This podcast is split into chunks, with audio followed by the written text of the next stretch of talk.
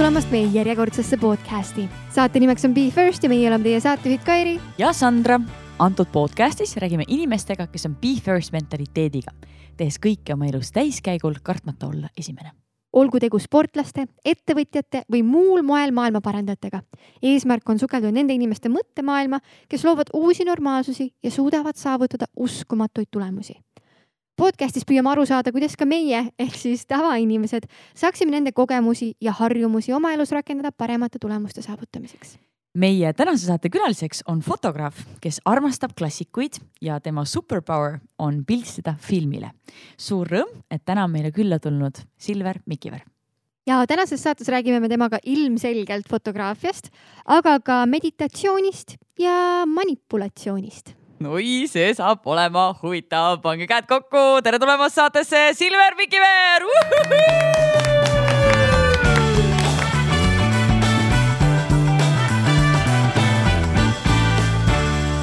tere, tore, tore olla siin teiega.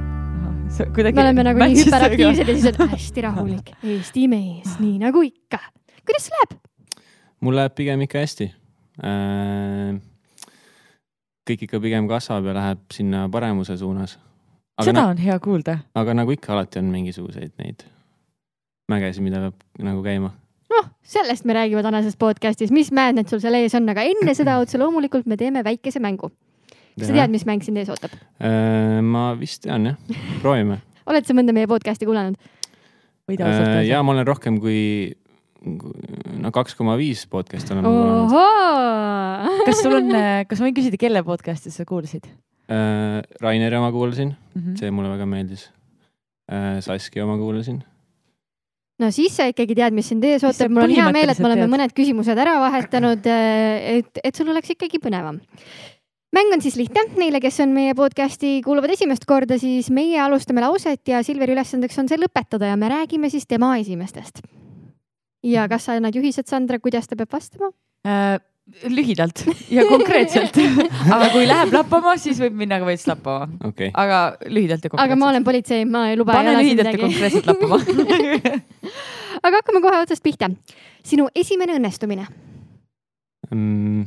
üks, äh, mis mul on väga kirevalt meeles, ma olin äkki äh, seitseteist ja siis ma olin fotograafiaga tegelenud sihuke kolm aastat, neli aastat ja siis ma arvasin, et ma olen juba sihuke suht spets vend ja siis ma saatsin äh, ühele Eesti ähm, siis tuntud kaamerabrändi esindusele saatsin meili, et noh, et hakkama, et noh, ma hakkaksin nagu ambassadoriks äkki.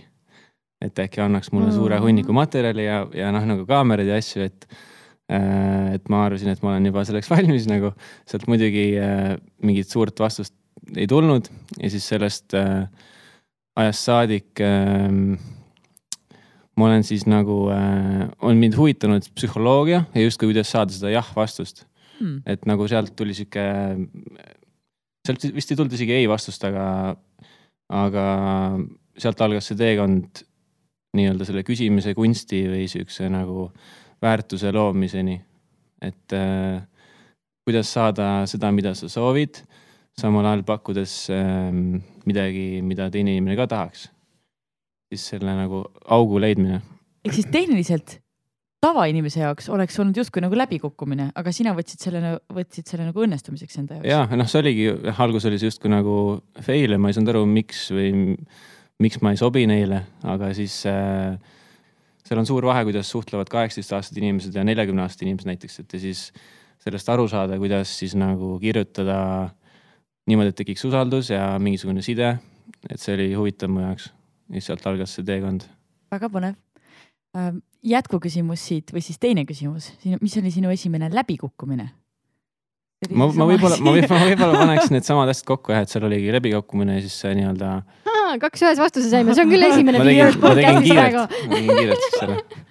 ei, aga miks mitte ehm,. siis võtame kohe kolmanda, esimene asi, mida sa hommikul teed ehm,. panen äratuskella kinni ja siis äh, täna hommikul ma ikkagi vaatasin neid notification eid ka et ma vahepeal ikka vaatan telefoni hommikul kohe, mis ei ole vist väga hea mm,. ma arvan, et sa oled seal üheksakümne protsendi inimeste seas, nii et ei ole hullu, vähemalt sa oled massiga koos järgmine küsimus, sinu esimene Instagrami postitus mm,? ma arvan, et see oli mingisugune looduse pilt, siukse hästi jubeda selle Instagrami filtriga, mis oli pandud siis need kõik asjad olid põhja pandud äh,. see oli X-Pro. jaa, see oli üks mu lemmikuid, sest see oli nii hardcore lihtsalt. ja siis äh, niimoodi ta üles läks, ma arvan. kas sa mäletad, millal see oli ka? ma arvan, et see oli, see oli kaks tuhat äkki kolmteist. on see alles või on see? ei, kindlasti ei ole miks nii äh,? noh, see ei olnud väga hea lihtsalt.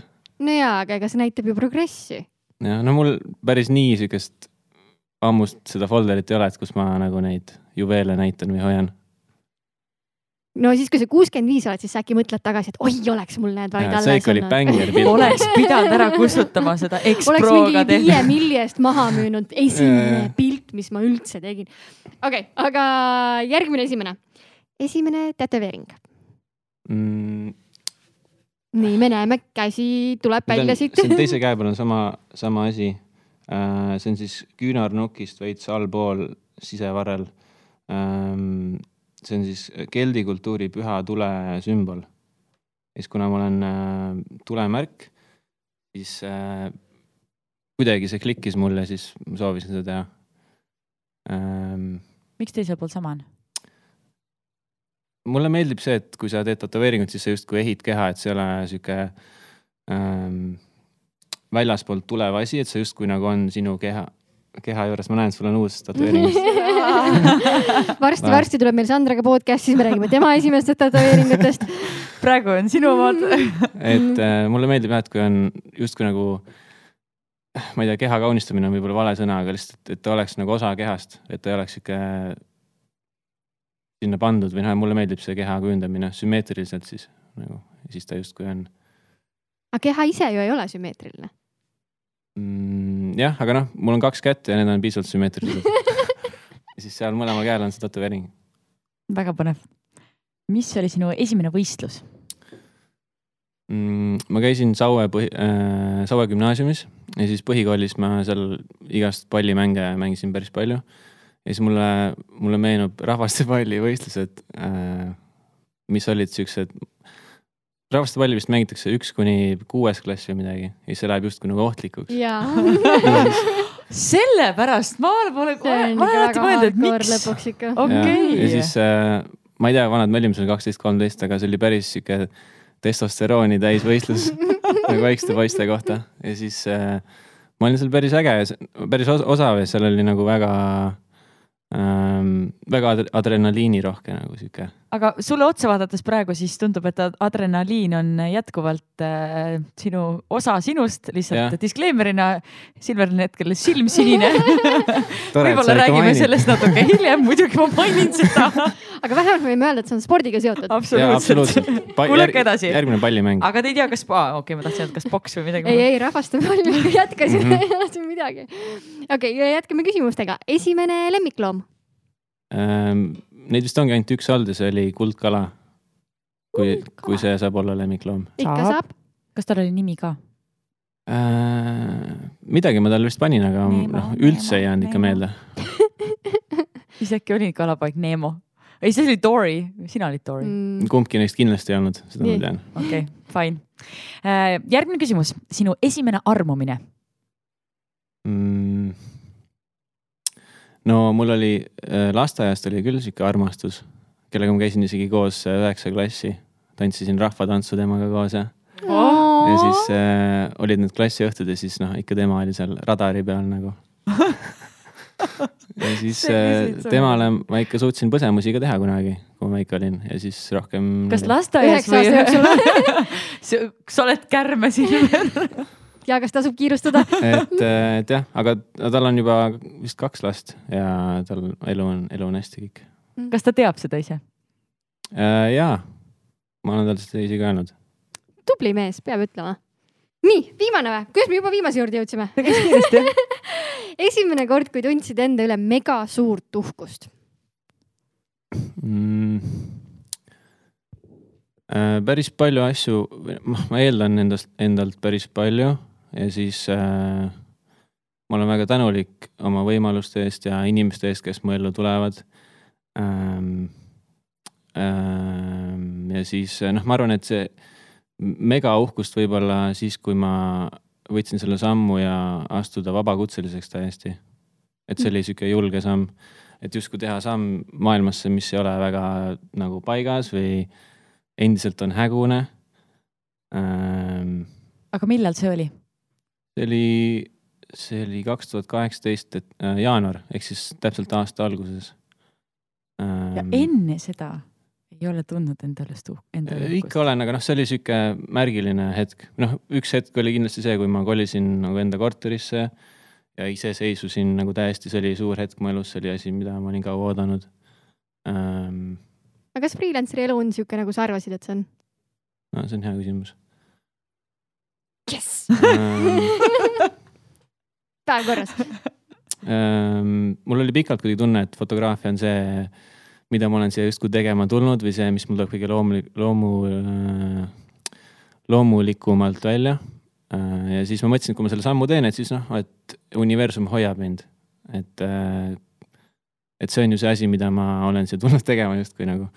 ja siis, ja siis ma saingi sellest aru, et, et universum hoiab sind senikaua, kuni sul pea on nagu korras.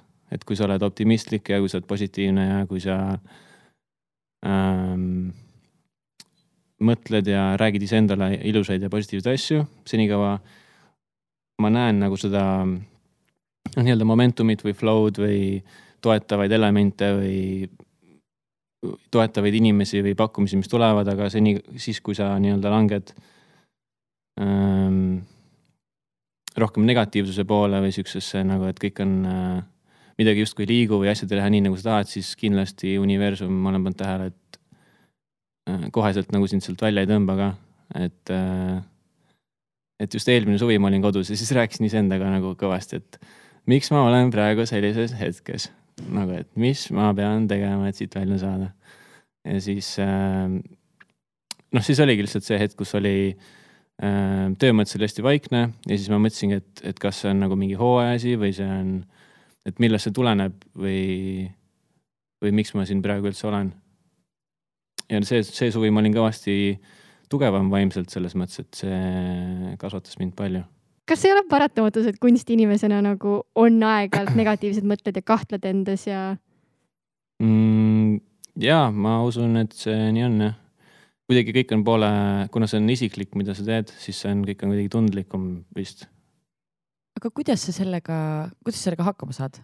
äkki me alustame sellest, et kuidas ta üldse sinna jõudis, sellepärast et me ei ole veel podcast'i me oleme mängu lõpetanud, onju. see mäng läks kuidagi väga sujuvalt üle järgmisele, järgmisele teemale. kuule, et me lõpetasime mängu, me nüüd jätkame podcast'iga aga tegelikult sa võid tõesti äh, rääkida alguses sellest, et kuidas sa üldse jõudsid selleni, kus, kus sa praegu oled, kust sa tuled? mis koolis sa oled käinud, mida sa õppisid? nagu ma mainisin, Saue koolis mängisin rahvastepalli ja siis äh.... sealt hakkasin fotograafiaga tegema. kõlab nagu promising career äh, jah, meil oli peres oli digi, digikaamera, siis kui ma olin kolmteist, ma hakkasin sellega pildistama nii Sauel rulaga sõpru kui Laulasmaal suvilas loodust ja igast siukseid asju, mis mind ümbritses. ja mm, see kuidagi oli hästi suur, tekkis hästi suur huvi selle vastu suht ruttu, et see oli asi, mida ma sain teha üksinda, mis oli alati mingisugune tegevus või isegi noores eas ma tundsin, et kui mul oli veits kurb või kuidagi sihuke low vibe, siis ma, see nagu aitas mind justkui, et oli mingis mõttes teraapia. Ehm, ja siis nii-öelda kasvades, elades aktiivset eluviisi, siis ma pildistasin alati oma sõpru. Nemad said alati paremaid pilte kui mina endast mingi rula asjadega, aga noh, pole hullu ja siis, ja siis ähm, jah, alati tegin, noh, oli gümnaasium on ju, siis tulid mingid esimesed tööd, alati tegin seda justkui kõrvalt, kunagi ma ei arvanud, et sellest võib tulla mul mingisugune suurem asi või töökoht, aga siis kuidagi mingi hetk hakkasid ära kukkuma nii-öelda mingid valdkonnad, mis mind nii palju ei kõnetanud, et kas see oli, noh, ma proovisin kõike, et noh, mingi makro ja loodus ja kõik asjad, on ju. Ja siis kuidagi jäi ähm,, inimesed, inimesed olid alati sihuke suur fookus. ja siis äh, läbi fotograafia, siis ma hakkasin, ma ei tea, kirjutama inimestele, kes mind inspireerivad, siis ma hakkasin nendega neid pildistama, siis ma tutvusin nendega nagu näiteks ka Sandraga äh,. ja siis see on kindlasti üks võlu, mis mind on selle juures hoidnud ja mis mind väga inspireerib. Et see on justkui lihtsalt nagu vabandus, et ma saaksin siis kellegi juurde lähemale temaga juttu rääkida mul tekkis väga palju küsimusi kohe aga alati nagu heal, heal kavatsusel, selles mõttes, et see on alati mingisugune inspiratsioon, mis mind viib kellegini. aga mis hetkest sa said aru, et äh, see on nagu töö, et sa ei kaalunudki üheksast viieni kuhugile minna, vaid mõtlesid, et nii, fotograafia, see on. või tegid sa mm. üheksast viieni tööd?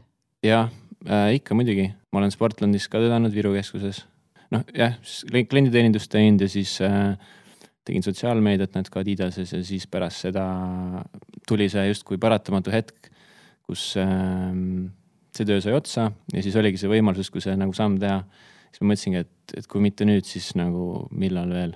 aga mis sul esimene sihuke päris töö oli fotograafi nagu, mille eest raha said mm, ma ei tea, ilmselt oli see mingisugune üritus, ma arvan mulle tundub, et väga paljud fotograafid alustavad üritustest. jah.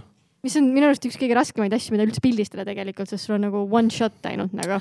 ja, aga noh, samas sa oled nagu dokumenteerid seda üritust, et äh, mingid vennad seal midagi teevad, keegi midagi räägib ja siis sul on ikkagi suht sihuke paindlik või mugav seal toimetada, et sa ei pea seal kedagi ise seletama ja paigutama, et, et muidugi on noh, erineva ähm, skaalaga üritusi, aga jah aga mõtle, kui lähed mingisuguse suure firma üritusele ja siis magad maha selle, kuidas CEO ei, peab lihtsalt nagu no,. on väga paha. kus see pilt jäi, siin ei ole seda lihtsalt.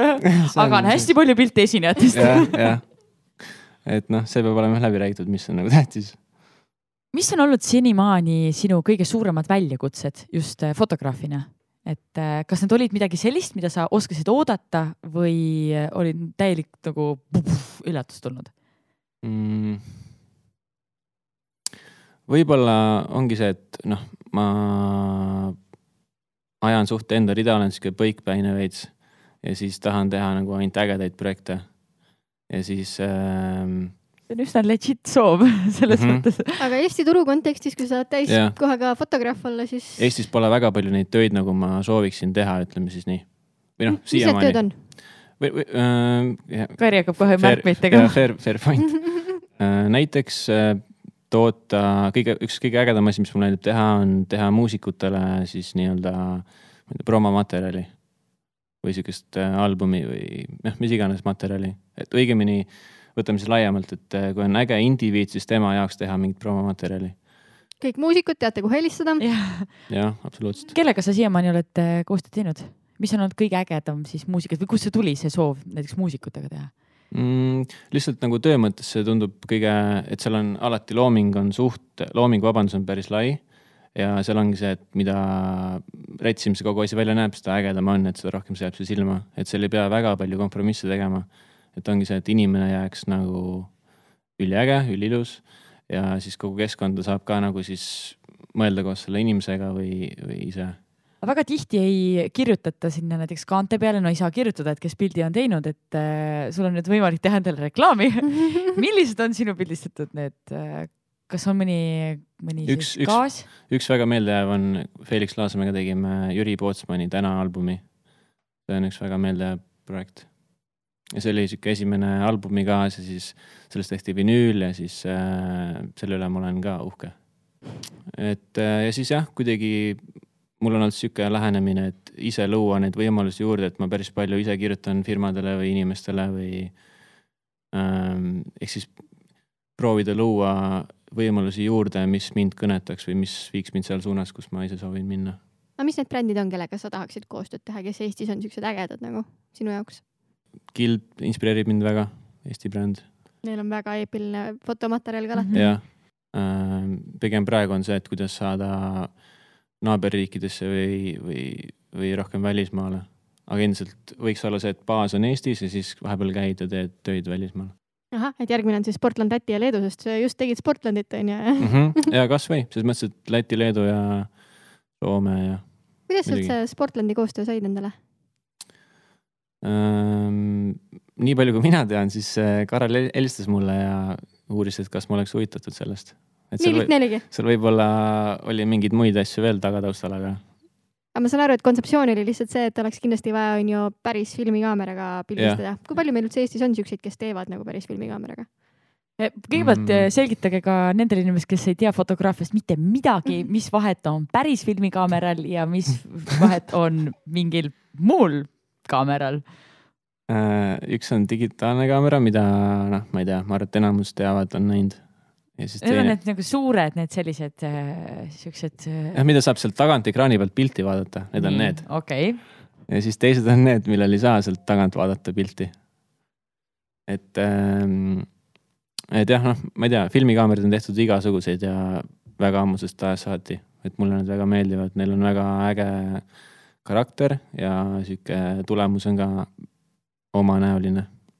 Aga kas see on praegu pigem nagu trendi küsimus, sellepärast et nii mm. videograafias kui igal pool on populaarne nagu minna tagasi ajas, et. ja kindlasti on see suur osa on trendi, trendil ka. aga kas sul on see nagu nii-öelda lemmiktööriist või sa mõtled ka kunagi ikkagi digi peale tagasi minna mm,? ma tegin digiga hästi pikalt tööd ja siis mul lihtsalt see mm, siis side nagu selle olukorra või modelliga kuidagi vähenes, et noh, et, et sa kuidagi teed pilti ja siis äh, see on mingis mõttes hästi lihtne, et noh, sa näed tulemust, veits timmid, seal vahetad asju ja siis sa justkui saad selle kätte, aga just see lihtsus hakkas mind veits häirima, et ma ei ähm,, ma ei näinud seda tseeni siis võib-olla nii suure pühendumise või hetkes olemisega, kui ma soovisin. ja siis, kui ma proovisin filmi, siis see nagu totaalselt muutus, et see võttis mul alguses väga kaua aega, et ma tegin ühte portreed äkki mingi viis minutit selle ühe vana, ühe vana kaameraga modellid alati olid seal mingi, okei okay,, kaua läheb, et nagu mingi veits on juba pikalt nagu. aga kas hirmus ei ole, et kui sul nagu klient, kes tellib su käest mm -hmm. töö ja sa pildistad ja sa ei näe neid pilte, sa ei tea reaalselt, kas läks hästi või ei läinud? no seal peab jah, nagu ikkagi nagu uskuma endasse ja sellesse protsessi, et noh, üks, üks osa on sellest, selles äh, ilmutamises, mida noh, mina ei tee, mida teeb nagu labor, on ju. et äh, enamasti nad on teinud väga head tööd ja selle peale nii palju, liiga palju ei mõtle ma korraks astun kaks sammu tagasi, kas sa oled õppinud fotograafiat?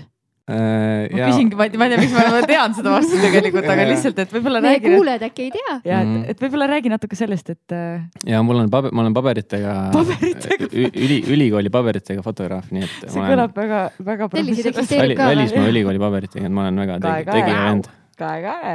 ei, ma käisin jah Inglismaal äh, Coventry ülikoolis õppisin fotograafiat ja see oli Äh, ääretult nagu äh, huvitav kogemus selles mõttes, et see haridus seal oli, ütleme nii, et noh, kool ei olnud väga raske, aga kogu see nii-öelda teises keskkonnas ja teises, ma ei tea, riigis, linnas olemine minu jaoks oli suht sihuke challenging nagu alguses või noh, mulle kuidagi ei meeldinud seal alguses olla.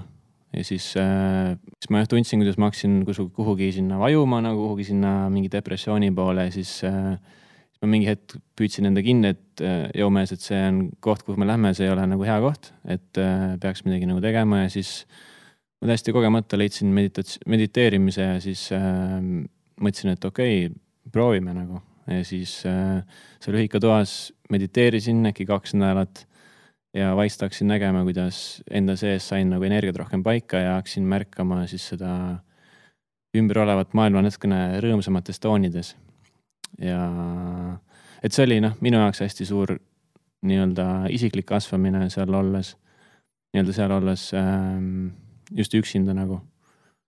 et ähm, ja noh, ma sain seal pildistada filmi peale ja harjutada kõike seda ka muidugi. ja no eelkõige ülikoolis nad hindasid siis seda kriitilist mõtlemist rohkem kui seda visuaalset poolt. et ma varasemalt olin teinud nagu ilusaid pilte, aga noh see oligi see nagu noh, et seal ei olnud nagu mingit sügavamat mõtet. milles see väljendus, see kriitilise mõtlemise õppimine? Äh, noh, et oligi hästi suur roll oli sellel mingisugusel noh, kui me tegime mingit projekti või isegi kui tegid mingisugust pilti, siis seal pidi olema mingisugune eeltöö või, või narratiiv oli alati nende lemmiksõna mitte see, et lihtsalt lähed kohale ja vaatame, et äh, nagu digikaameraga, et noh, teeme siin kakssada pilti ja. sellest ühest modellist. isegi mitte pilti, vaid klõpsu. klõpsu see on, see sõna mulle meeldib. okei okay.. aga mina tahan teada, kui meil on siin paberitega fotograaf, siis kas sa oskad mulle öelda kolm nippi, mida ma võiksin implementeerida, et kõik need pildid, mis ma teeksin, oleksid palju ilusamad? Kas, äh, kas päris kaameraga või fotokaameraga või telefonikaameraga? telefoniga, okay. nii nagu tavainimesed telefoniga äh.... mul on siin kaamera, mis ma tegema pean? mis pilte sa teha soovid? ma tahan Sandrast teha hästi ilusa portree. siis minu jaoks noh, ilmselt vist noh, igal minu jaoks on siis pildil kolm komponenti, et on see, mis jääb subjektist ette, subjekt ja siis subjekt, subjekti taha mm,. üks asi, mida mina olen pannud tähele, et osad fotograafid ei, väga ei vaata, mis jääb siis modelli taha. mina, kui mina alati kompositsioone loon, siis äh, siis ma, isegi kui taust on udune, siis äh, oleks hea teha niimoodi, et kõik taustal olev nii-öelda, mis sinna jääb, et see toetaks seda modelli ja tema siis seda poosi või seda kompositsiooni, et mitte ei tekitaks liigset tähelepanu ja üldse jätta kaadrisse siis asju, mis on esmavajalikud, mis annavad nagu mingit pointi või, või, või noh, ongi, annavad midagi juurde et äh, samamoodi kehtib ka, mis jääb modellist ettepoole, et, et kui midagi, mis ei räägi midagi nagu juurde sinna Sandra portreele, siis ei ole vaja sinna panna. et äh, noh, selle sõltub, mis on isiklik stiil ka, et noh, mõnele meeldib sihuke hästi kirju, mõnele meeldib hästi puhas, et see on sihuke ka individuaalne asi. aga kindlasti suur asi on ka usaldusel või sellel vibe'il, mis inimestel vahel on, et see loob ka kindlasti, kas Sandral on tore olla seal või mitte. aga mis sa teed siis, kui modellil on nagu mega ebamugav olla ja ta nagu ei taha üldse kaameras olla, aga sa pead teda pildistama, mis sa teed siis? stopp, ma lihtsalt tahan öelda, et see oli minu küsimus, aga liigume edasi. aitäh sulle selle eest, Kairi. sa võtsid enne kaks küsimust, mida ma tahtsin küsida mul nina alt ära, nii et ära isegi mitte ürita mind sõimekaid tekitada.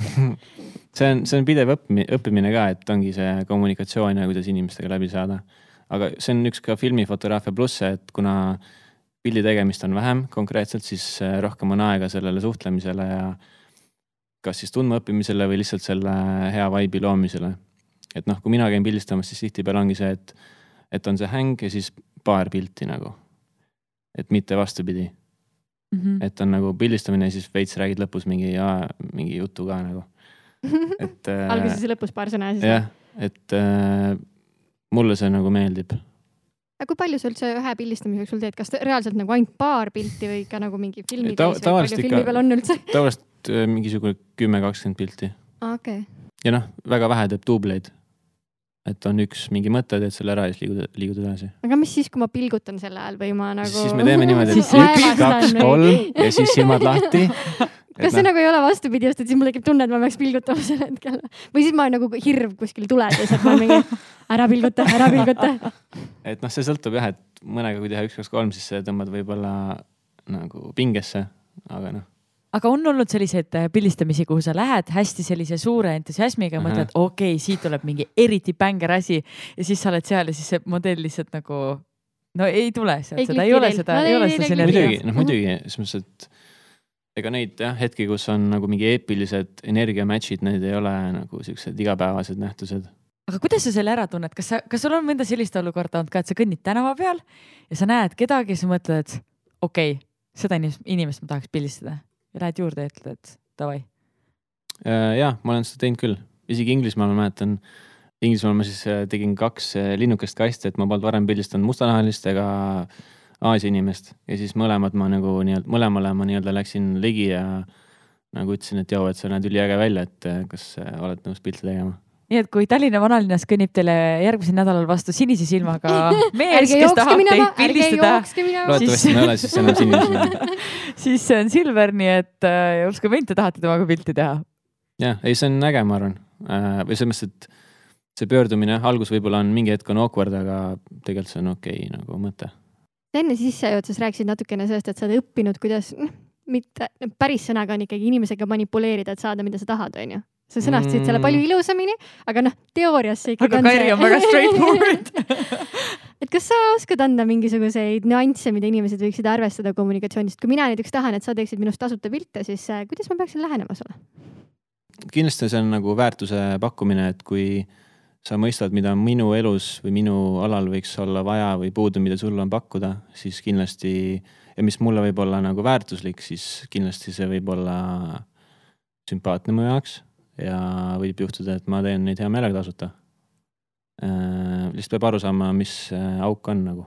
Mida inimene vajab põhimõtteliselt, eks ma pean õppima kõigepealt sind tundma, ära kaardistama, mida sa vajad ja siis ma saan alles tulla jah, päringuga. või siis sul on äkki pakkuda mingisugune kontakt või, või mingisugune. aa, kontakti mul on nii, hakkame pihta nii, millal me pildistame? Või noh, või noh, mis iganes, mis äh,, mis võib jah, peaks olema ka loomulik selles mõttes, et see ei ole see, et, et üks laob oma kaardid la lauale, siis teine oma kaardid, et noh, et ma ei tea, see töötab ainult loomulikul viisil nii noh. okei okay., aga kas see nagu sihuke susserdamine natukene ei ole, et noh, kas sa ise ei ütleks, et see on inimesega manipuleerimine, et sa nagu lähened talle väljamõeldult strateegilise nurga alt mingi omakasu eesmärgil mm,? ma ei tea, ma arvan, et senikaua, kuni see eesmärk on üllas ja keegi haiget ei saa, haiget ei saa, siis on kõik hästi. ma ei ole üldse pahatahtlik inimene ja ma arvan, et see manipuleerimine, mida ma teen, see on väga-väga pehme. No et see on kõigile kasulik on ju lõppkokkuvõttes. jah, just, et see pigem on win-win ja pigem isegi nendele võib-olla rohkem kui mulle. või noh, seda ma tahan uskuda, aga ma, mida ma ei taha uskuda, on see, et sa, et sina, ühesõnaga mulle tundub, et sa oled väga hea inimene no tõesti, mulle, mulle. no me teame rohkem kui jah. selline tundub, et sa oled väga hea inimene, aga kas sul on mõnda sellist projekti, mida sa vaatad, mis on kellegi teise projekt ja sa vaatad seda ja mõtled nagu damn, miks ma selle peale ei tulnud. Et nagu selline positiivne kadedus. ja noh, eks veits ikka, aga. aga on mõni selline, mis tuleb kohe meelde ka? ma ei tea, kui ma vaatan, noh, Felix on mul hea sõber ja siis alati, kui ma vaatan, mida Felix arvutis teeb, siis ma olen mingi vau, mees äh, aga see on alati inspireeriv mulle, et, et äh, on jäänud mulje, et väga paljud inimesed on äh, kuidagi kadedad, kui kellelgi läheb hästi või teeb midagi hästi ja siis sooviks, et inimesed rohkem insp oleks inspireeritud teiste tegemistest. Kas sa näed seda Eesti fotograafide äh, seas palju või kas on, on palju mm. koos tegemist või võiks olla rohkem, nagu sa ütlesid, võiks olla rohkem, aga? minu ringkonnas nagu ei ole seda väga palju, et ma ei saa kõige eest, kõigi eest nagu rääkida. aga minu ringis on see kõik pigem üksteise toetamine ja arendame Eesti seda kultuuriruumi ja teeme nagu, loome seda nagu ägedaid asju siin. ja kui sul tuli ägedalt välja, siis nagu plaksutame. Mitte, damn mees, tegid paremini kui mina nagu et äh, see suhtumine, ma arvan, on väga sihuke terve ka. aga kust see areng selles mõttes tuleb, et kas te ammutate noh, ilmselgelt üksteiselt nagu kollektiivina inspiratsiooni, aga kas te vaatate suuremalt maailmasse ka, mis toimub, on mingisuguseid konkreetseid fotograafe või ägedaid inimesi, kes teid on inspireerinud karjääri jooksul?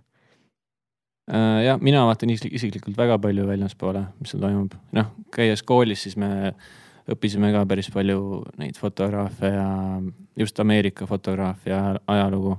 noh, Steven Shore, üks vend, kes mul tuli praegu meelde, noh, kõik on äh, juba selles mõttes, et kas lahkunud või päris vanad ähm,. Richard Avedon näiteks on üks vend, kes äh, kunagi tegi Vogue'i pilte ja siis ähm, kunagi muidugi noh, või noh, kunagi kolmkümmend aastat tagasi oli maailm kõvasti aeglasem, kui ta on praegu ja siis äh, nii-öelda, kui oli mingisugune briif, siis selle briifi tegemiseks oli, ma ei tea, kaks nädalat näiteks. ja fotograafil oli aega, kõvasti rohkem aega, kui on praegu, et luua siis need head fotod. ja siis tänu sellele, et oli rohkem aega, võib-olla ka rohkem eelarvet, siis äh, selle tulemusena loodi ka nii-öelda eepilisi või ajatuid pilte mingi hetk tagasi ähm,. et praegu ongi tihtipeale see, et ruttu on vaja nagu hästi ägedat asja ja siis looming nii päris ei tööta, et on vaja ruttu palju, palju siukest bängerit.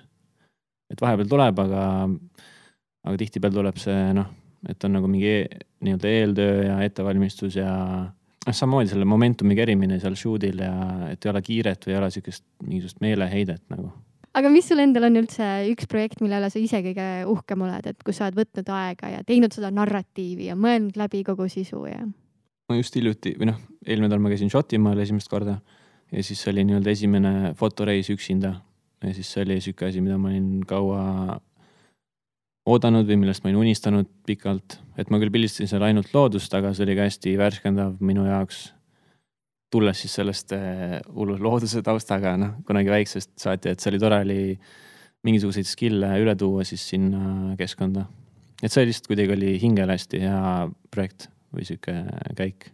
aga kas on mõni tööprojekt ka, mille üle sa oled hästi uhke? Mm,? ja seesama Jüri Pootsmani projekt, see on endiselt äh,. me vist tegime see kaks tuhat kuusteist vist oli see aasta, aga jah, see on endiselt mul väga hinges. noh, üks, üks aspekt oli see, et see oli kindlasti esimene.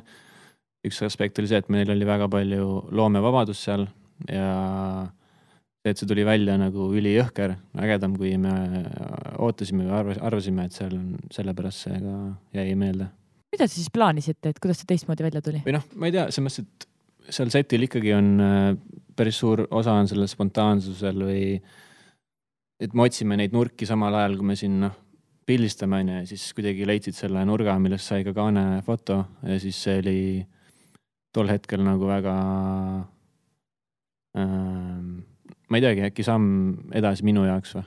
Mis see järgmine samm võiks olla, mis on üks inimene maailmas, kes on üks inimene maailmas, keda sa väga tahaksid pildistada? nagu lihtsalt ütled nime ja me kohe orgunnime sulle ära siis, kes oleks mm,?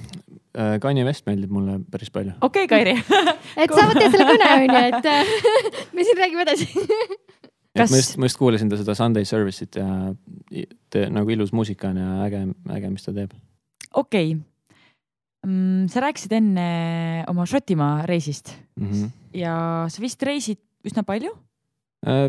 kuidas kunagi, ei oska öelda küll, et kogu aeg palju kui sa ütlesid, et äh, see Šotimaa oli selline väga epic äh, kogemus sinu jaoks, kas sul on veel mõni koht, kuhu sa tahaksid äh, reisida minna, et seal pildistada? ja kindlasti, Aasia meeldib mulle väga palju ka, just noh, ma ei tea, äkki Indoneesia ja Vietnam ja kõik see kant.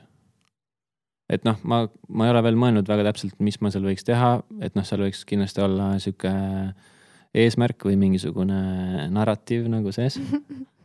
aga, aga jah, sinna ma tahaks kindlasti minna kui sa reisid, siis äh, paned sa tähele seda, et mis, mis, mis mujal maailmas toimumas on, et kuidas meil praegu üldse maailmana läheb? kuidas, mis seisus praegu meie maailm on sinu arvates? nagu Eesti või äh,? Eesti üldse. üldse maailm? üldse Aa. maailm suurenenud, suur, suur maailm. ma arvan, et suures pildis ikkagi läheb hästi, et suurem osa meediast lihtsalt võib-olla rõhutab seda, mis on halvasti.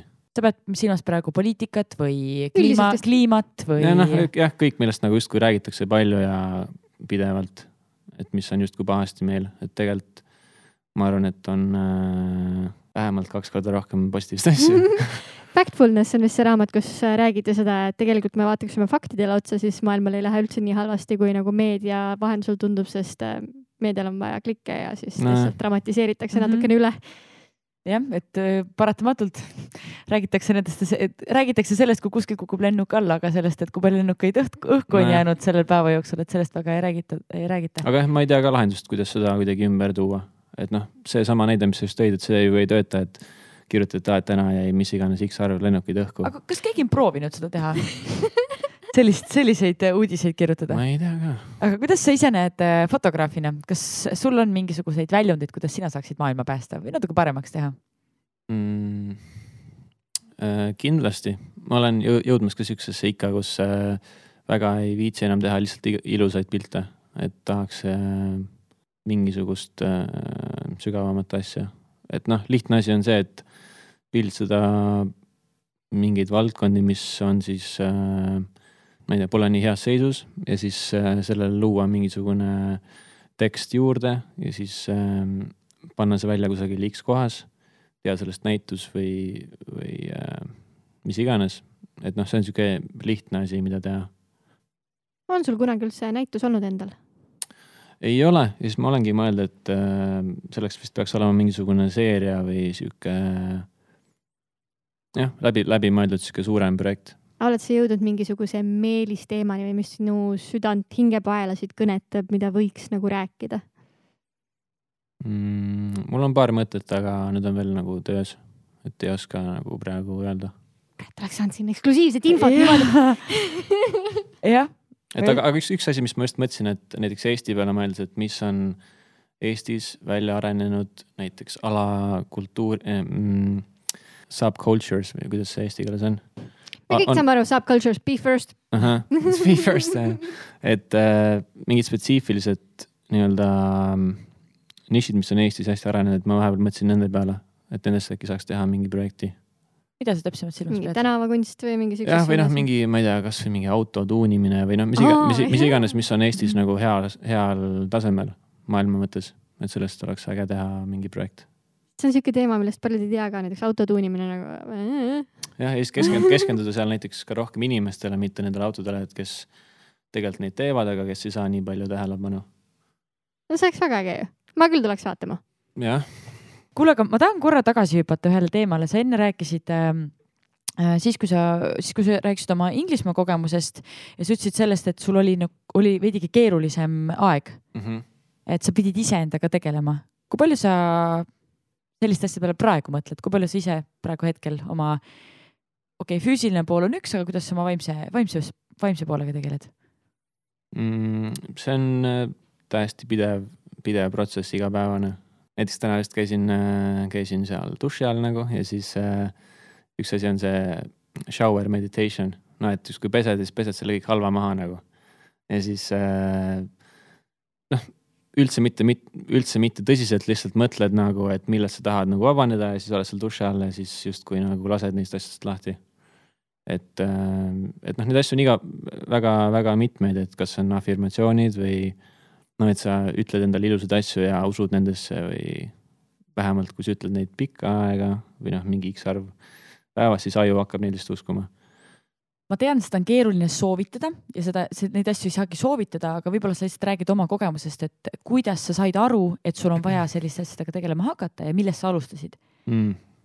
puhtalt see, kui sa tunned, et sa justkui on kõik hästi, aga samas sa ei ole õnnelik või äh, et jah, et sa ei oska justkui nagu mm, nii hästi seda silti panna juurde, et miks mul nagu nii, nüüd nii pahasti võiks olla, et tegelikult peaks olema kõik hästi, aga samas sa tunned sihukest äh, ma ei tea, tühjemat tunnet et äh, jah, selles mõttes, et ma soovitan lihtsalt olla iseendaga rohkem, õppida ennast rohkem tundma, et kes sa oled ja mis sulle meeldib ja mis sulle ei meeldi. kuidas see käib ähm...? kas on mingid kontrollküsimused, mida sa enda käest saad küsida näiteks või et äh,, siis mulle tundub, et seda, seda on hästi palju praegusel ajal ja, ja hästi paljud inimesed võiksid selle peale rohkem mõelda, aga nad nagu ei oska justkui kuskilt pihta hakata. inimesed, ma arvan, ei istu üldse vaikuses näiteks üksinda ja ei vaata, mis neile pähe tuleb et noh, ma näiteks iga päev peaaegu vaatan lihtsalt õue, olen vaik-, vaikuses nagu.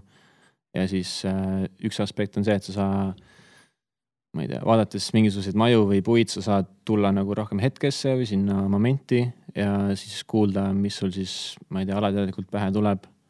või mis sul parasjagu toimub sinuga või sinu kehas, et see mingis mõttes loob äkki selgust kas sina leidsid kohe enda jaoks meditatsiooni või sa proovisid mingeid muid asju ka, et kuidas nii-öelda välja tulla sellest august?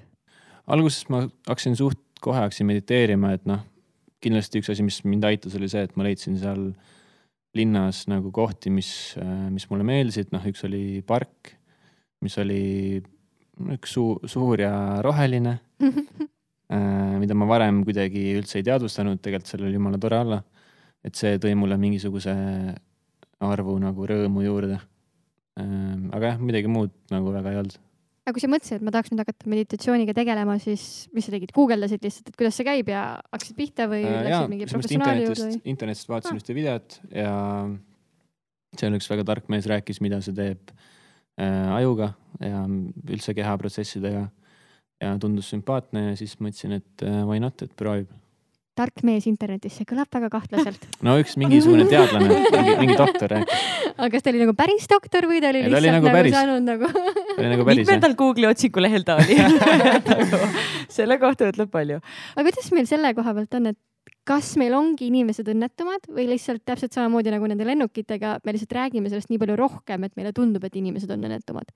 jah, mul on jäänud mulje, et äh, ma just eeldan praegu, aga sihuke generatsioon, kes on praegu kaheksateist, üheksateist, kakskümmend, kes on kasvanud selle Instagramiga üles. et hästi palju on seda võrdlemist enda elu ja välismaa eluga ja siis see loob hästi palju sihukest, äh, et ma olen mõttetu mentaliteeti.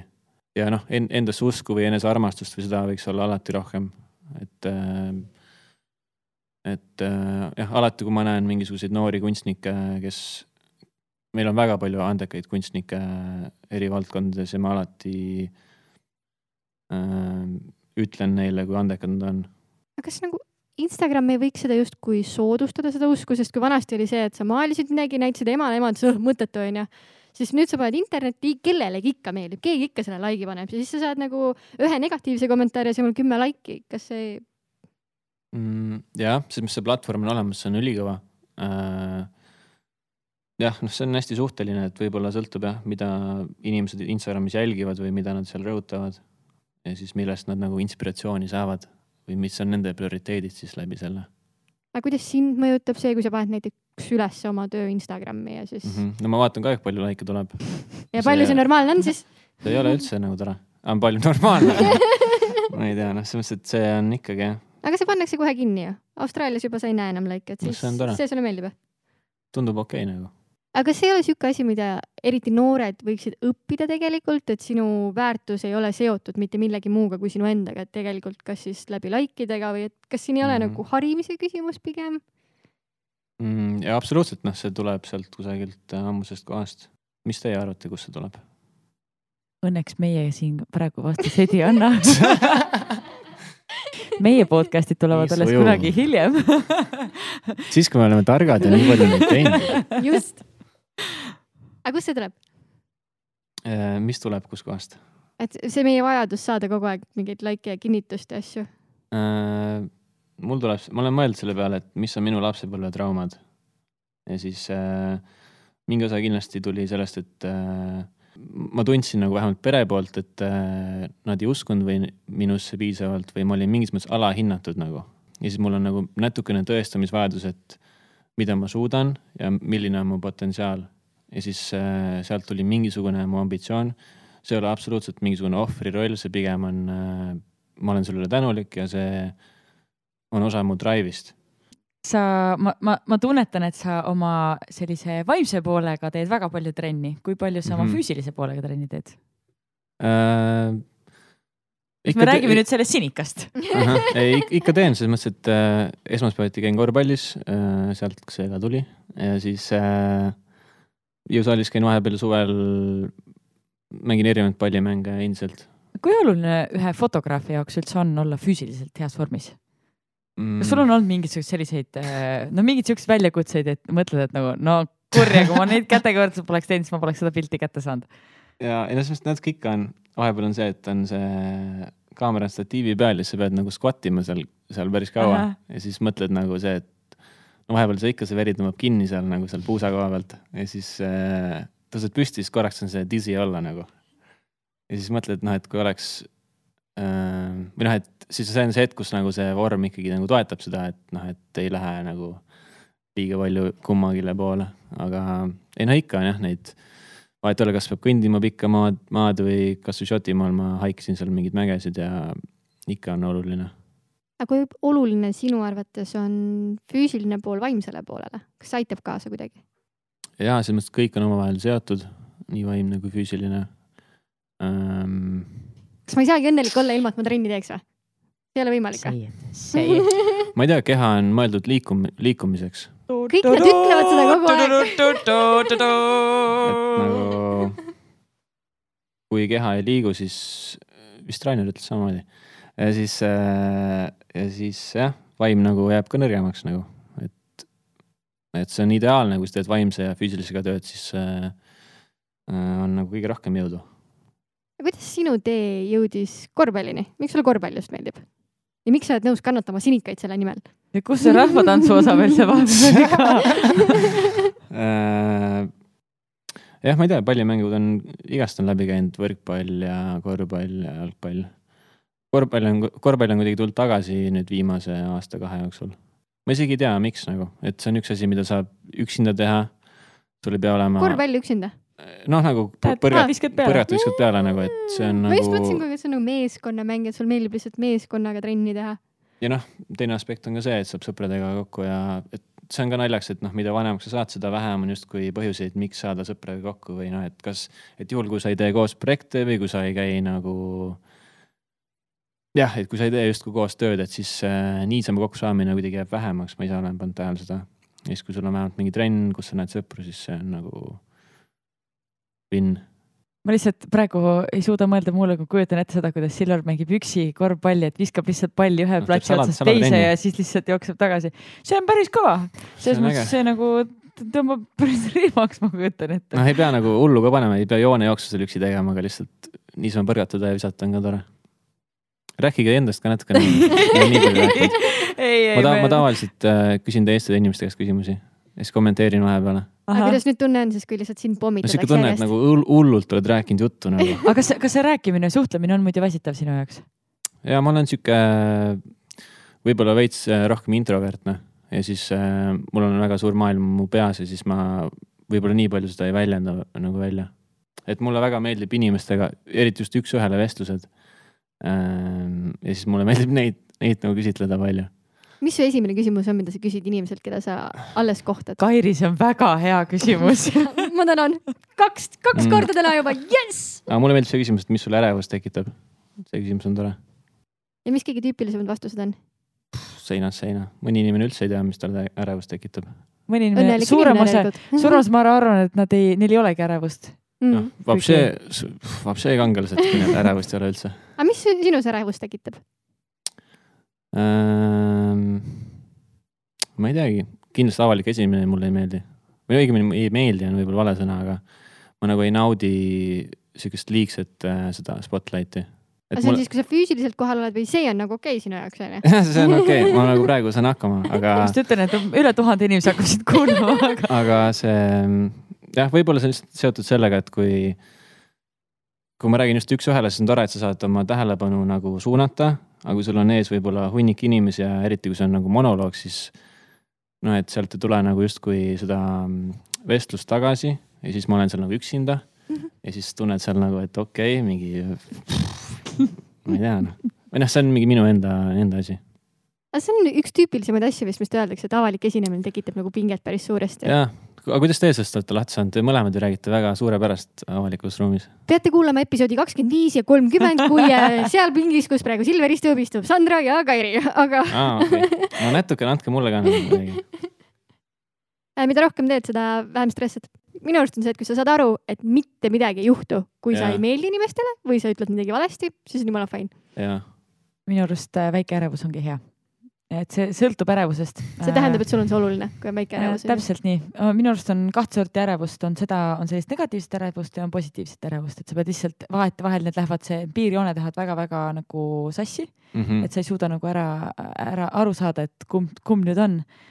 et äh, aga see positiivne ärevus tegelikult see on, see on see, mis nagu see on hea tunne. okei okay,, mul on tunne, et Silver keeras siin nagu asjad nüüd enda kasuks, me ei lase sul neid ohjasid ära võtta, meil on veel kaks üks, olulist segmenti. üks, üks mõte, mis mul tuli vahele, et äh, see on jah lahe, et, et elu on äh, harjutus, mitte äh, performance. see on ka äge mõte mm. -hmm. väga hea tsitaat, me peaksime panema selle küsimuse sisse, et mis su lemmiktsitaat on.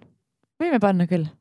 see vähendab ka ärevust kindlasti, see, et ei ole see performance, vaid nagu iga asi, mis me teeme, on lihtsalt harjutus nagu. ja otsimine ja see on fine. jah te olete nii nunnud, aga meil on kaks viimast segmenti veel, me peame varsti podcast'i kokku tõmbama, meil on uus kategooria, milleks on fänniküsimused mm. -hmm. nii et äh, otsime kohe välja. esimene Esi... meil on juba küsitud tegelikult. kas me saime selle, et mis on esimene pilt, mis ta üldse tegi? ei, see oli Instagrami pilt ja, ja.. ühesõnaga, esimene fänniküsimus on, mis on esimene pilt, mis sa üldse tegid, millest see oli, noh, mida sa mäletad vähemasti mm,? see oli seal Laulasmaal, ma arvan, selle makrorežiimiga mingisugune lill. mis lill see oli ja miks sa just selle lille välja valisid? oli äkki kollane, siis tal oli see mingi neli seda, seda asja, mida ära saab tõmmata. mis see on? ma ei tea, mis lillest sa räägid praegu. see õie peal on see asi, noh, see lehed või? ei, mitte lehed, vaid need. kroonlehed. noh, nagu need väiksed, mis Aha. seal on peal et olid kollased need. okei okay,, laulas ma olen mingid imelikud hübriidlilled, ma ei tea, mis seal kasvavad, aga okei okay. Lähme vaatame. jätame selle sinna praegu. nii, järgmine küsimus. kas ja kui, siis äh, kuidas defineeriksid enda visuaalset stiili äh,? minimalistlik äh,. sümmeetriline, läbimõeldud äh,. rohkem ei vist ütleks praegu sa peaksid sellele ikka mingi nagu lööva, tabava nime Aa. mõtlema või nagu mingi asja, vaata. nagu näiteks? no ma ei tea, kas ta läheb mingisse kategooriasse, kindlasti on mingid fotograafiad, mingid spetsiifilisi stiile. nagu mingid ilusamad ise, need äh, iseloomustavad sõnad või? ei, iseloomustavad sõnad üheks asjaks, aga nagu kuidagi ära pakendada, et see ongi Aa. nagu um, ma ei tea. Silver Style ongi lihtsalt nagu kõik. Silver Style, see on päris hea. sellepärast ma turundan. patenteeri see käbe ära. jah, paned selle tag'i peale kohe okei okay,, aga meie viimane fänni küsimus on väga lakooniline. Go vegan, küsimärk hmm.. mis me äh, veganlusest arvame? ei, ma täiesti toetan seda, et ma kindlasti pole täiesti vegan, aga pigem liigun sealpool, sinna suunas. aga miks sa seda toetad äh,? ma arvan, et see on nagu lihtne, et noh, et esiteks ei ole vaja süüa liha ja teiseks, miks peab neid, neid loomi nagu nagu küttima ja tapma oh,. küttima? mis sa sellega nüüd mõtled eh,? Ma, ma pole seda sõna nii ammu kuulnud, sest kõik lihtsalt nagu, kõik on vaata nagu nendes slaughterhouse ides lihtsalt, et nagu sa ei pea enam isegi taga ajama, sa ei pea isegi nagu jooksma enam, sa ei saa isegi trenni vaata mm. -hmm. sa lihtsalt nagu aretad nad, paned nad lauta kinni ja siis tapad ära. see on päris rets jah sest good points, ma ei saanudki hetkeks aru, et mida sa selle all mõtlesid. noh, enam ei pea küttima. aga keskkonna mõttes ei mõtle sellele, et veganlus on hea või sa nagu. ei muidugi kliima... absoluutselt, selles mõttes, et nagu eks neid ju plusse on väga palju. Et ma ei oska kõiki nagu puusalt välja tuua nii äge on vaadata, et järjest rohkem on inimesi, kes nagu liiguvad. aga see on ju puhtalt see, et nagu see info liigub ja ennem justkui mõtled, noh, et ei saa hakkama ilma ju, et noh, et see ongi puhtalt selle pealt. kes ei ole näinud veel äh, filmi nimega Game Changers, siis ah, täna õhtul vaatame ülirets. kõik, see on mega hästi tehtud dokumentaal. see oli ja. väga rets. see on naljakas, inspireeriv ja kõike muud ka. jah ja. huviga aga äh, meie viimane segment, soovituste segment. Okay.. oled valmis? jaa, olen. kas sul on mõni podcast või raamat, mida sa võiksid meie kuulajatele praegu soovitada? Äh, mulle meeldib äh, Robert Greene, sihuke autor. Äh, mul on kolm ta raamatut, üks on Mastery, siis on nelikümmend kaheksa võimuseadust ja siis on, siis on Laws of Human Nature ka. noh, hästi sihuke psühholoogial põhinev Äh, see Mastery oli just esimene raamat, mis, mis ma üldse ostsin ja siis äh, seal ta räägib põhimõtteliselt lahti äh, mingi Da Vinci ja, ja ma ei tea, Einsteini just nagu lapsepõlve ja see, kuidas nad siis selle teekonna, kuidas nad said siis selleks meistriks, see oli hästi huvitav ja inspireeriv. et äh, Robert Greene, tšekkige ta raamatuid. jätame meelde. kas sul mõni podcast läheb ka või see podcast üldse ei kuule äh,? ikka kuulan, selles mõttes, et. Be first, be first, be first meil ei ole mõtet ennast promoda enda podcast'i alati on mõtet, kuule turundaja ähm, mind on mitmed inspireerinud, üks on, äh, mis on muidugi väga hingelähedane, on Chase Jarvis. Ähm, ta on ka, ma ei tea, endine siis fotograaf, nüüd juba ettevõtja ja Creative Live'i looja, mis on siis nagu sihuke haridusplatvorm interneti baasil. ja siis, et see vend ma olen tema teekonda jälginud, ma ei tea, äkki viis-kuus aastat ja soovin liikuda samas sarnases suunas, kus see mees. väga huvitav, nii et kes kõik tahavad teada, mis suunas Silver liigub, siis minge äh, kuulake mm. -hmm. Mm, kas on äkki ka mõni Instagrami konto, keda soovitaksid jälgida ähm,? Hooligan Hamletit võib, äh, võib tšekkida hmm,. mis on Hooligan Hamlet hmm.? Me seda ei puudutanudki täna ju, kuidas me niimoodi saame. meil jäi Angaar instituut jäi puudu, kõik asjad jäid puudu, nagu me rääkisime, oi, me peame ikka tegema vol kahe äh,. Äh, jah, ma arvan, et Hooliganist on äh, juba räägitud või tahate uuesti teada või?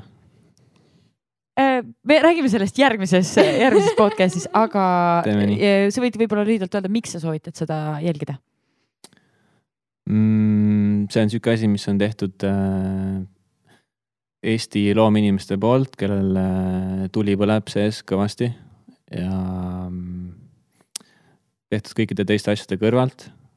Mm, seda tehakse hingega, et sihuke. Go show some support yeah.. viskame seal mõned südamed õhku. mina soovitan ja kolmanda asjana, kas sul on mõni äh, imelik või selline naljakas, kummaline harjumus, mida sa soovitaksid ka teistele teha? mis võiks olla positiivne. jah aitäh selle täpsustuse eest, Kairi. kummaline, kummaline muidugi on sihuke suhteline mõiste, aga mul endal on mingi teema numeroloogiaga. et äh, näiteks mul seitsmetega on äh, huvitav seos. täna on ka seitsmes ja siis huvitav, et sa pakkusid välja, et teeme äkki seitsmendal. siis mõtlesin, aa seitsmendal, okei okay,, seitsme, seitse mulle meeldib, et ju siis on nagu õige asi aga. ma lugesin su blogis seda kusjuures. okei. Ähm, et seitsmetega on jah, mul mingi sihuke teema, et kui ma neid näen, siis äh, kinnitab mulle, et ma olen justkui õigel teel või see on õige otsus või õige koht. ehk siis me peaksime minema ja vaatama numbreid kõik, jah? kuidas, äh, kuidas see leida, kuidas leida oma number? mina tean, kakskümmend seitse on mul. on või? jaa ah,. nii kui on kortermüügis näiteks, mis oli kakskümmend seitse, ma olin oh,, this is my home. kakskümmend seitse meeldib mulle ka kakskümmend seitse on kõva. et noh, eks neid asju on mitmeid, aga numeroloogia mulle istub. Sandra, sul ei ole oma numbrit või? mis sul lemmiknumber on? mul ei ole jah lemmiknumbrit. mul oli kunagi sulle meeldivad kõik numbrid, sa oled nagu nii armas inimene, sulle meeldivad kõik numbrid, sa ei diskrimineeri ma ei diskrimineeri, ma ei taha, et teised numbrid ennast halvasti tunneksid selle pärast. Äh, mul on tegelikult äh, üksteist. aa, no tuli ikka ära lemmiklaps. see on ka väga no. spirituaalne number uued algused uh. -huh kuulge, aga praegu me peame räägima lõppudest kahjuks. ehk siis, et meil podcast äh, on otsakorrale saanud. aitäh sulle, Silver, et sa meile külla tulid. ja aitäh kutsumast, väga tore oli siin rääkida teiega juttu. tõesti, suur aitäh. aitäh, kuulajad, järgmise korrani. korrani. tšau.